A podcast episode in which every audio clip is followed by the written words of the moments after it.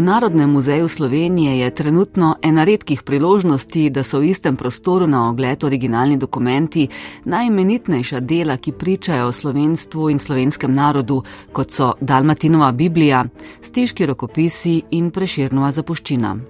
Moram priznati, da je mene včeraj pogled na preširna in trubarja dobesedno pretresel, kajti mislim, da sem se šele tisti trenutek zavedala, kaj v Narodnem muzeju Slovenije sploh odpiramo. Dela, ki so jih ti naši mojstri, eh, zgodovinske osebnosti držali v rokah, pisali, ustvarjali. Original ni isto kot reprodukcija, ni isto. In če si nekako predstavljaš in če to začutiš, mislim, da se to skoraj da mora vsakemu usesti v srce. Predstavljajmo si, da je pred nami pismo Primoža Trubarja, v katerem pojasnjuje, da zaradi dolgotrajne bolezni težko piše, zaradi česar je celo zapadel v dolgove in zato prosi tudi za delno izplačilo provizije. Poroča pa tudi, da je dokončal prvi prevod Nove zaveze. Tukaj sta na tej razstavi prisotni dve enoti in sicer gre za korespondenco protestantskih piscev. Med njimi smo potem izbrali pismo Primoža Trubarja, ki ga je pisal v Ljubljano iz Tübingena, eh, deželnim stanovom iz 1561, kjer jim sporoča, da se bo vrnil v Ljubljano na, njihovo, na njihov poziv. In vemo, da se je potem res iz svojega izgnanstva vrnil v Ljubljano, potem tudi bil superintendent protestantske crkve, glenčanske, dokler ni, ni moral potem 1565 dokončno v bistvu oditi iz Ljubljane in se potem samo še enkrat vrnil na Kransko, potem pa ne več. To je ena enota, druga enota, ki je tudi povezana s protestanti, je pa seveda eh, epohalno delo Jurija Dalmatina, njegov prevod Biblije, seveda, Bibliji imamo eh, v, v Sloveniji hrani 36 izvodov, vemo vsaj za 45 izvodov v tujini, ampak vseeno gre za eno tisto največje, verjetno največje eh, delo protestantske dobe in, in reformacije na slovenskem. Se pravi, na razstavi razstavljamo eno izmed teh Biblij in sicer gre za Biblijo iz gradu Brdo pri Kranju. Tudi moramo omeniti, da uh, je tudi ta izvod eden izmed lepše ohranjenih, vezan v belo golunsko ustnje. Na razstavi Spomin Slovenije je na ogled deset enot, dokumentov, ki so zdaj upisani na slovensko nacionalno listo za UNESCO Spomin sveta. Od leta 1992 pa obstaja mednarodni UNESCO program, ta je namenjen predstavljanju in ohranjanju pisne in dokumentarne dediščine z vsega sveta, pravi doktorica Alenka Miškec, vodja numizmatičnega kabineta v Narodnem muzeju Slovenije in koordinatorica razstave Spomin Slovenije. Zdaj, kaj je to dokumentarna dediščina? To niso samo besedilni dokumenti. V prvi vrsti gre za besedilne dokumente in sicer knjige, časopise, letake. So pa tudi nebesedilni dokumenti, to so recimo karte, zemljevidi in pa nadalje video posnetki, filmi in fotografije, vendar z dokumentarno vrednostjo. Absolutno ne samo umetniško, morajo imeti neko dokumentarno vrednost, nek dokumentarni pomen za narod oziroma regijo oziroma celo za neko širšo mednarodno skupnost. In tako deluje ta spomin sveta, ta program na način, da se upisuje določene enote, ki so izbrane in potrjene na te liste. Na mednarodnem registru so že upisane največje mostrovine naše dobe, to so recimo Beethovenova deveta simfonija, Benzov, motor, Gutenbergova Biblija. Tudi mi imamo že na mednarodnem registru svoje delo, to je verjetno zelo nepoznana stvar. Gre za supraselski kodeks, ki ga delno hrani Narodna in univerzitetna knjižnica v Ljubljani, delno se hrani v Varšavi in delno v Sankt Petersburgu.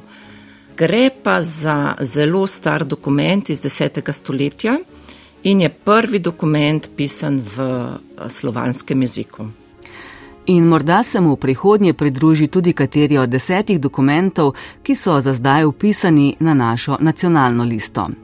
Te je izbral nacionalni odbor, čigar član je bil tudi dr. Aleksandr Žižek, arhivski svetnik iz zgodovinskega arhiva Celje.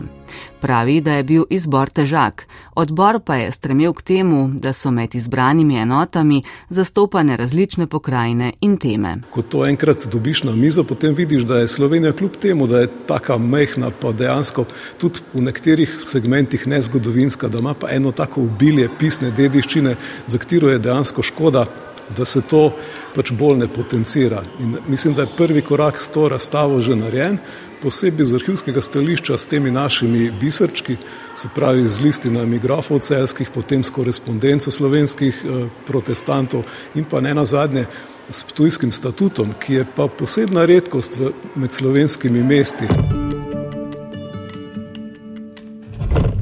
To je statut, statut je odprt na strani ki obravnava požarno obrambo mesta. Ne, to je bilo tako vitalno vprašanje srednjeveških mest. Vemo, da so bile strehe takrat krite slamo, bile so lesenjače ali pa mogoče s kakim ilom, pa s temi strstiko zbite in treba je bilo paziti, da ogenj ne zaide k sosedom. In v tem statutu je zelo na tak zanimiv način tudi predstavljam to organizacijo, te požarne obrambe.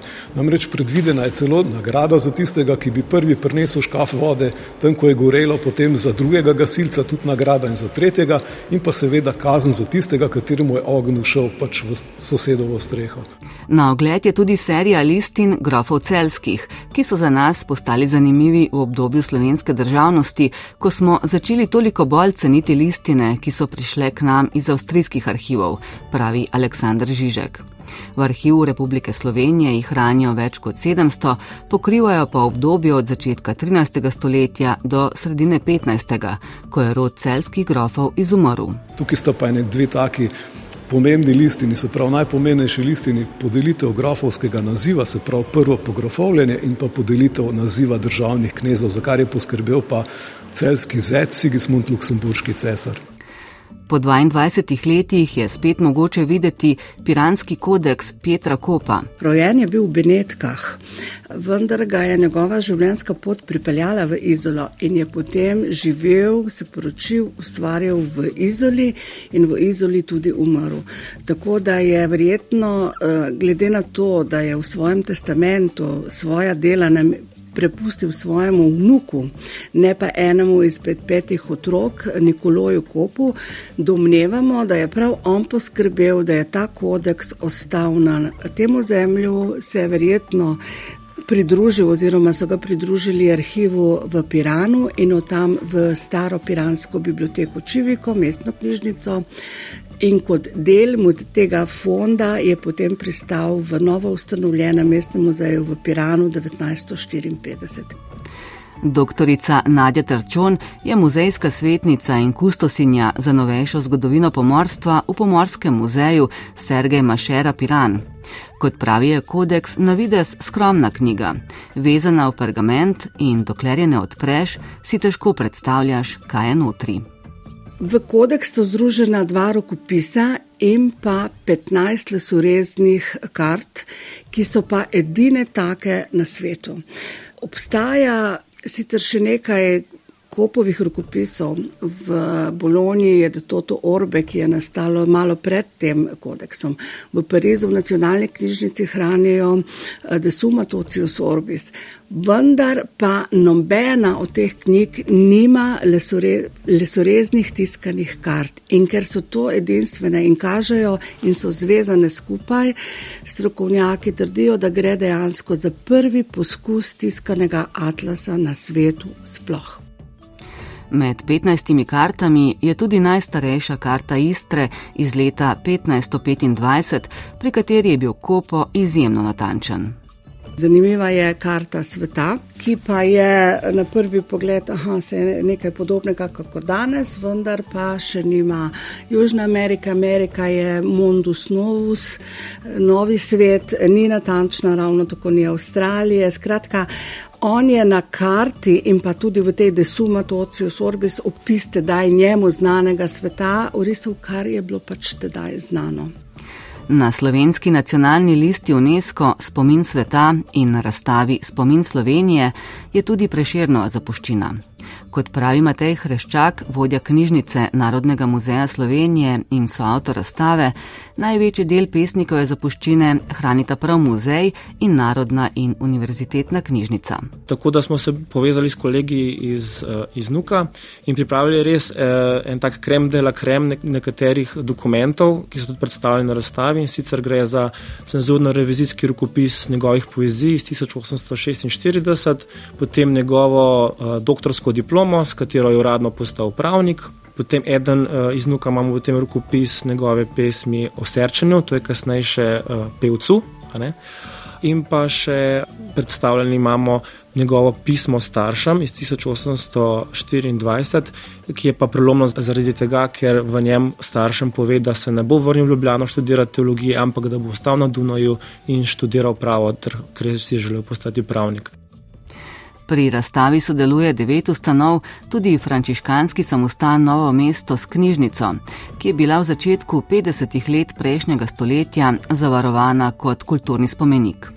Frančiškani so v novo mesto pribežali iz Bosne pred turško nevarnostjo leta 1469 in takrat so seboj prinesli več dragocenih knjig, ki so se ohranile v celoti. Zelo dobro pa je ohranjena tudi herbarijska knjiga Janeza Krstnika Fliserja iz leta 1696, ki je najstarejši herbari na slovenskem, pove Špela Pungaršek, kustosinja za botaniko v Prirodoslovnem muzeju Slovenije.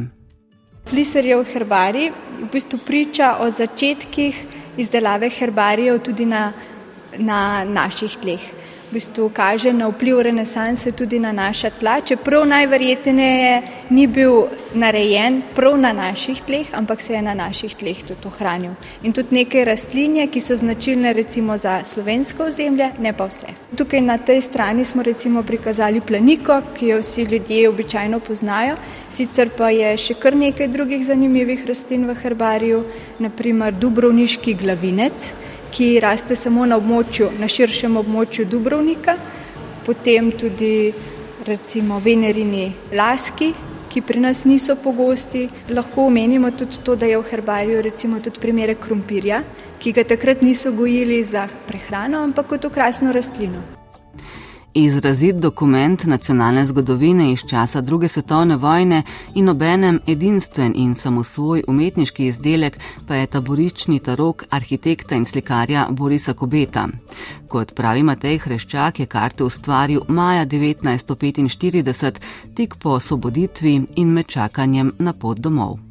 Gre sicer za karte, ki jih uporabljamo pri troku, ampak se dejansko s tem trokom ne da igrati. Gre predvsem za njegovo ekspresijo, uh, njegovega doživljanja, se pravi razmer v taborišču, grozot, ki so se dogajale in to je on prelil v bistvu na karte, na papirane.